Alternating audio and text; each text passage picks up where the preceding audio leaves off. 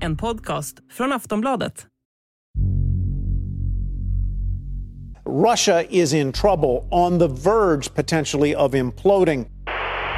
The economy is expected to sink into recession as well. For ordinary Russians, the international assault on their country's finances has become plain to see. But the fact is, they're not self-reliant. Is they they are you know pulling about 25 percent of their GDP is is from uh, imports. And, and when you look at their two major exports, which is oil and gas, it's not as easy as just flipping a switch and saying, okay, we will send that unbought or uh, uh unpurchased gas and oil from Europe and switch it to India and China. Ja, västs sanktioner mot Ryssland verkar funka. Till skillnad från vad som ibland påståtts på sistone och vad Ryssland själva gärna vill kommunicera utåt så menar sakkunniga och en ny stor studie från det amerikanska universitetet Yale att exportstoppet från väst faktiskt håller på att lamslå landets ekonomi. En stor anledning är att landet själva inte kan producera det som väst nu vägrar att sälja till dem. Och av den anledningen kan Ryssland behöva nyproducera gamla modeller av saker, såsom bilar från Sovjettiden. Det verkar alltså skakigt för de ryska finanserna. Experter säger sig själva vara förvånade över hur beroende Ryssland har visat sig vara av väst och spår nu en kommande implodering av landets ekonomi. Så hur ser det ut i Ryssland egentligen? Hur märker befolkningen av den haltande ekonomin? När tror man att den kommer att implodera helt? Och om det sker, vad händer då? Kommer Putin sitta stilla i båten eller agera drastiskt? I dagens Aftonbladet Daily pratar vi om Rysslands skakiga ekonomi med Stefan Hedlund, professor i öststatsforskning vid Uppsala universitet. Jag heter Vilma Ljunggren. Hej Stefan och välkommen hit. Tack. Det pratas om att västs sanktioner mot Ryssland verkar funka. Hur ser sanktionerna ut just nu? Ja, det är ju en, en uppsjö av olika saker, alltifrån att individer inte ska få lov att resa eh, till väst till att man beslagtar ryska tillgångar och eh, att man förbjuder företag att bedriva handel med Ryssland. Och på vilket sätt har de fått effekt på den ryska ekonomin? Där det verkligen slår är ju när företag har dragit sig tillbaka. Det är omkring tusen företag som nu har lämnat den ryska marknaden. Och de lämnar ju efter sig skal av företag som inte längre kommer att fungera genom att de inte kan få tillgång till de komponenter som gjorde den västerländska produktionen möjlig i Ryssland. Det område där de inte har fått så stor effekt nu är ju, är ju makroekonomisk stabilitet i och med att många fortfarande köper olja och gas från Ryssland så får de in stora exportinkomster som håller liv i, i det finansiella systemet än så länge. Och hur kommer det sig att Ryssland inte kan tillverka de här komponenterna själva? Ja, därför att Ryssland liksom under lång tid, precis som i Sovjetunionen, har utvecklats genom att man exporterar råvaror och låter andra tillverka eh, varor för sig själv. Det innebär alltså att de har, de har inte, inte kompetensen att tillverka komponenter för modern produktion utan det, allt detta har de köpt utomlands och detta kommer de inte att kunna köpa nu längre. Därför stannar stora delar av produktionen. Så de har varit väldigt beroende av import? Jag tror att det är ganska många som är, är chockade över precis hur starkt detta beroende har varit. Vi ser alltså Eh, det, det, är lite olika vad olika delar av den ryska ekonomin men sånt som, som biltillverkning i synnerhet har i princip helt upphört. Det tillverkas knappt en enda bil i Ryssland längre därför att de var så totalt beroende av, av komponenter från utländska biltillverkare som de inte själv kan tillverka. Mm. Putin menar ju att väst själva har drabbats hårdare av sanktionerna än vad Ryssland har gjort. Vad säger du om det? Ja, på kort sikt så har ju men det, alla de företag som inte längre kan tillverka i Ryssland eller exportera till Ryssland, de har ju drabbats naturligtvis. Och det gäller ju då i synnerhet de ekonomier som har varit starkt exponerade mot, mot Ryssland. I synnerhet den tyska ekonomin kommer ju att ta en väldigt kraftig smäll av det här. Och det är inte bara det att, att man är beroende av den ryska gasen. I stort sett alla stora tyska industriföretag har ju varit på plats i Ryssland i väldigt stor omfattning och den verksamheten är ju slut nu och det är klart det drabbar ju den tyska ekonomin ganska hårt. Så på kort sikt så är det ett väldigt högt pris vi måste betala för att, för att slå mot den ryska ekonomin. Men det här kommer ju snart att vända sig i, i att den ryska ekonomin tar den fulla smällen istället och då är Ryssland de facto tillbaka 30-40 år i tiden. Man kommer att fungera ungefär som den sovjetiska ekonomin, det vill säga i stort sett ingen modern produktion. Och det gäller ju även den, även den militära sidan. De har ju inga som helst förutsättningar att, att varken reparera eller bygga nytt eh, av den militära materiel de har fått utslagen i Ukraina. Så den ryska krigsmakten kommer ju att drabbas extremt hårt av det här och på mycket lång sikt. Aftonbladet Daily är snart tillbaka.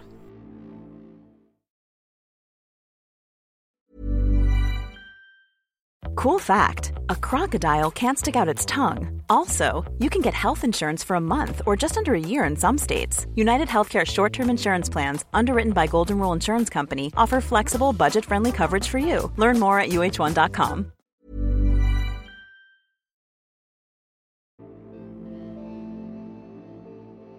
Många storföretag har valt att stänga ner sin verksamhet i Ryssland, varav landet på vissa håll har svarat med att starta sin egen version istället. Vi har till exempel sett bilder från deras egna McDonalds, en hamburgerkedja med liknande meny och en logga med en hamburgare och två pommes frites. Ja, hur ser det ut på de ryska gatorna just nu? Finns det många sådana här företagskopior? Vi hör Stefan Hedlund igen. Ja, det finns det. Alltså, alla, alla utländska företag som har dragit sig tillbaka har ju fått konflikt med ryska myndigheter av uppenbara skäl. Det vill säga, nu säljer ni det här för en rubel. Eller på något annat vis bara överlämnar det till ryska operatörer. Så det, det kommer ju att dyka upp eh, ryska varianter, men det är återigen det är ryska varianter som inte kommer att ha tillgång till komponenter. I Renaults tidigare fabrik där man tillverkade moderna bilar som såldes som smör i solen i Ryssland när de hade gott om pengar, där kommer man att tillverka sovjetiska bilar som inte har krockkuddar, som inte har automatiska bromssystem, som inte har någon modern utrustning alls. Så det kommer ju att vara bilar. Samma sak inom, inom flygindustrin. De har ju konfiskerat 800 Airbus och Boeing från väst Eh, från uthyrare i väst och de är ju, flygplan är ju extremt beroende av regelbundet underhåll av reservdelar som de inte har tillgång till längre. Så nu ställer de fler och fler flygplan som reservdelslager för att hålla några flygplan i luften och det är ju en, en spiral neråt som väldigt fort kommer att ta slut och sen har de inga flygplan som flyger längre. Så att i Ryssland det kommer att vara en gradvis försämring av den dagliga levnadsstandarden som kommer att accelerera i takt med att produktionen upphör. Och man kan ju tänka sig hur ryska IKEA kommer att fungera om fem år, vilka möbler de kommer att kunna erbjuda den ryska allmänheten. Så det är liksom en fråga om att Ryssland är nedväxlat på en mycket låg nivå där de i synnerhet inte eh, under, under överskådlig tid kommer att ha tillgång till det internationella finansiella systemet. De kommer inte att ha utländska företag som kommer att återvända till Ryssland. De kommer inte att kunna exportera olja och gas, vilket var de stora intäktsposterna till Europa och Nordamerika. De kommer inte att kunna ha utbyte intellektuellt med västerländska universitet. Det innebär alltså att den teknologiska utvecklingen kommer att avstanna helt i Ryssland och man kommer att, kommer att bygga bilar som fanns på Sovjettiden, Moskvitj och Zjiguli och, och sånt som vi som är lite äldre har sett i Moskva på Sovjettiden. Det är den standard man kommer att ha framöver. Så man kommer gå bakåt i tiden på många sätt kan man säga? De kommer att gå bakåt i tiden väldigt fort bakåt. Sen är ju frågan vilka konsekvenser det här kommer att få socialt. Många av de här företagen kommer att upprätthålla sysselsättning och de kommer att betala eh, i, i rubler som kommer att bli mindre och mindre värda eh, i takt med att Ryssland inte längre kommer att få in pengar från export. Jag menar det, deras stora exportposter tidigare har ju varit olja, gas och vapen. Gasen kommer att nästan helt upphöra. Man kommer att exportera lite grann till Kina till billiga priser. oljan kommer att kunna fortsätta att exportera till vissa länder men till mycket låga priser. Eh, förutsättningarna för Ryssland att exportera vapen någonstans i världen kan vi väl helt och hållet utesluta. Så att om exporten tar slut och importen redan har halverats så ser vi alltså en rysk ekonomi som kommer att vara avskuren från kontakter med omvärlden som kommer att försöka klara sig på det man själv har. Och det, det kommer inte att bli svält för de har gott om mat och det kommer inte att bli, bli kallt för de har gott om energi men det kommer att bli en extremt låg levnadsstandard för de ryssar som, som finns kvar i Ryssland. Och om de sen är beredda att stå ut med det eller ej, det, är ju ingen människa som kan spekulera kring. Mm. Och på vilka andra sätt märks den här knackiga ekonomin av för vanliga ryssar just nu då? Ja, alltså för vanliga ryssar i, i de stora städerna märks ju ännu inte därför att det tar tid. Det finns ju mycket på lager och det tar tid innan det, innan det riktigt syns. Men det man ser det framförallt är ju att alla de här flashiga gallerierna som präglade Moskva och Petersburg innan, de är stängda. Det finns ju inga du kan inte handla Gucci, du kan inte handla andra lyxmärken i Moskva längre. Det är slut med det.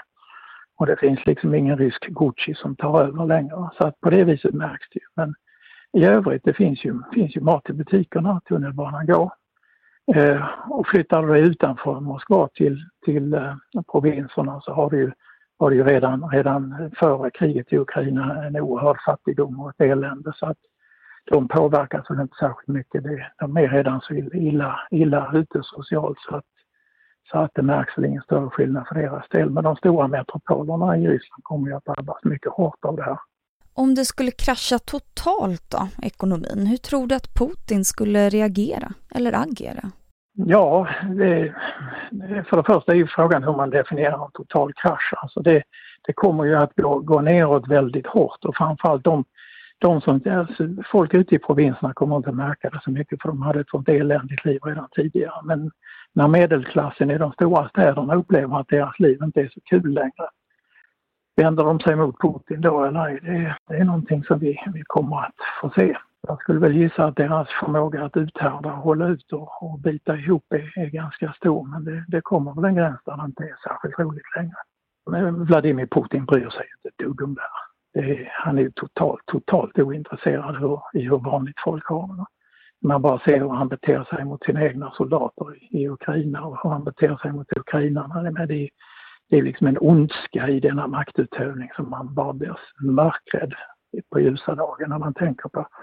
Så han bryr sig inte ett dugg. Frågan är om någon i hans omgivning bryr sig. Hans förmåga att leva ett gott liv har ju också havererat kraftigt. Det kommer inte vara särskilt kul för dem heller. Så frågan är hur stor elit han kan upprätthålla omkring sig och hur många av sina säkerhetsmänniskor han kan fortsätta att försörja med, med pengar som är värda någonting i utlandet, i de länder dit de fortfarande får lov att resa, Turkiet och sådär. Så det är ehm, i, ta, i takt med att inkomsterna från oljan, gasen och, och vapenexporten sinar, och det kommer att göra mycket snabbt nu, så kommer ju Putin att, att hamna under väldigt stor press när det gäller att kunna finansiera sina kompisar. Och på tal om provinserna, du har ju pratat om att en ekonomisk krasch kan få minoriteter i Ryssland att vilja bryta sig loss och bli självständiga stater. Kan du berätta mer om det? Ja, det är ett gammalt mönster i Ryssland, det vill säga när staten kollapsar så bryts den sönder i, i bitar som försöker förklara sig självständiga. Det hände 1917 efter den ryska revolutionen. Sen hände det ju igen när Sovjetunionen havererade och blev 15 olika stater så höll ju den ryska federationen också på att bryta sönder i 80, 89 olika delar och det är det som kan ske nu, det vill säga att de icke-ryska republikerna som, som framförallt Tjetjenien, de muslimska republikerna i norra Kaukasus kan ju mycket väl tänka sig att utropa självständighet och då blir det krig.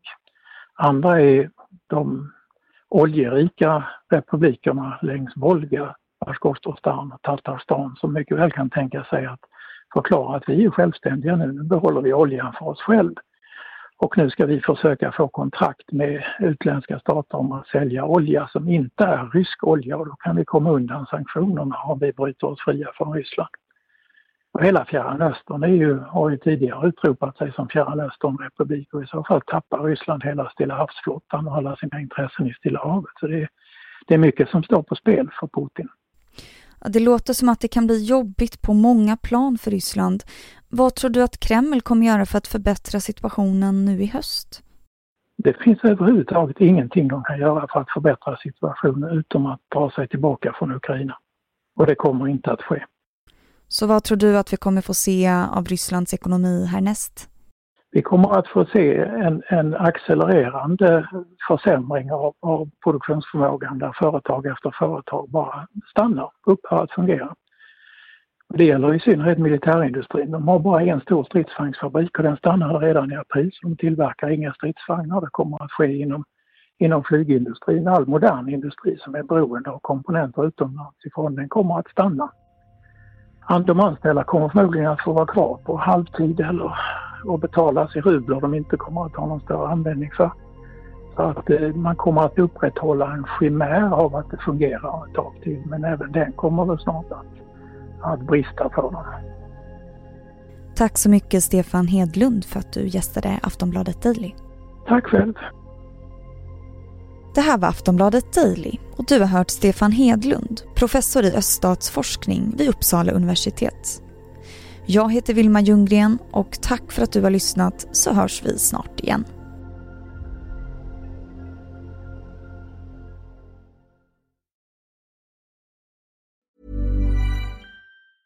A lot can happen in the next three years. Like a chatbot may be your new best friend.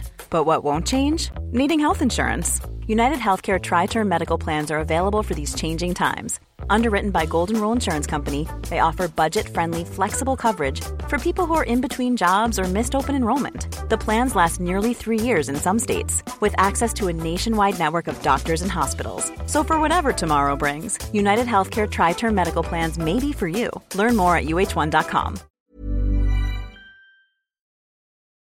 Du har lyssnat på en podcast från Aftonbladet. Ansvarig utgivare är Lena K Samuelsson. Tired of ads barging into your favorite news podcasts? Good news. Ad-free listening is available on Amazon Music for all the music plus top podcasts included with your Prime membership. Stay up to date on everything newsworthy by downloading the Amazon Music app for free or go to amazon.com slash news ad free. That's amazon.com slash news ad free to catch up on the latest episodes without the ads.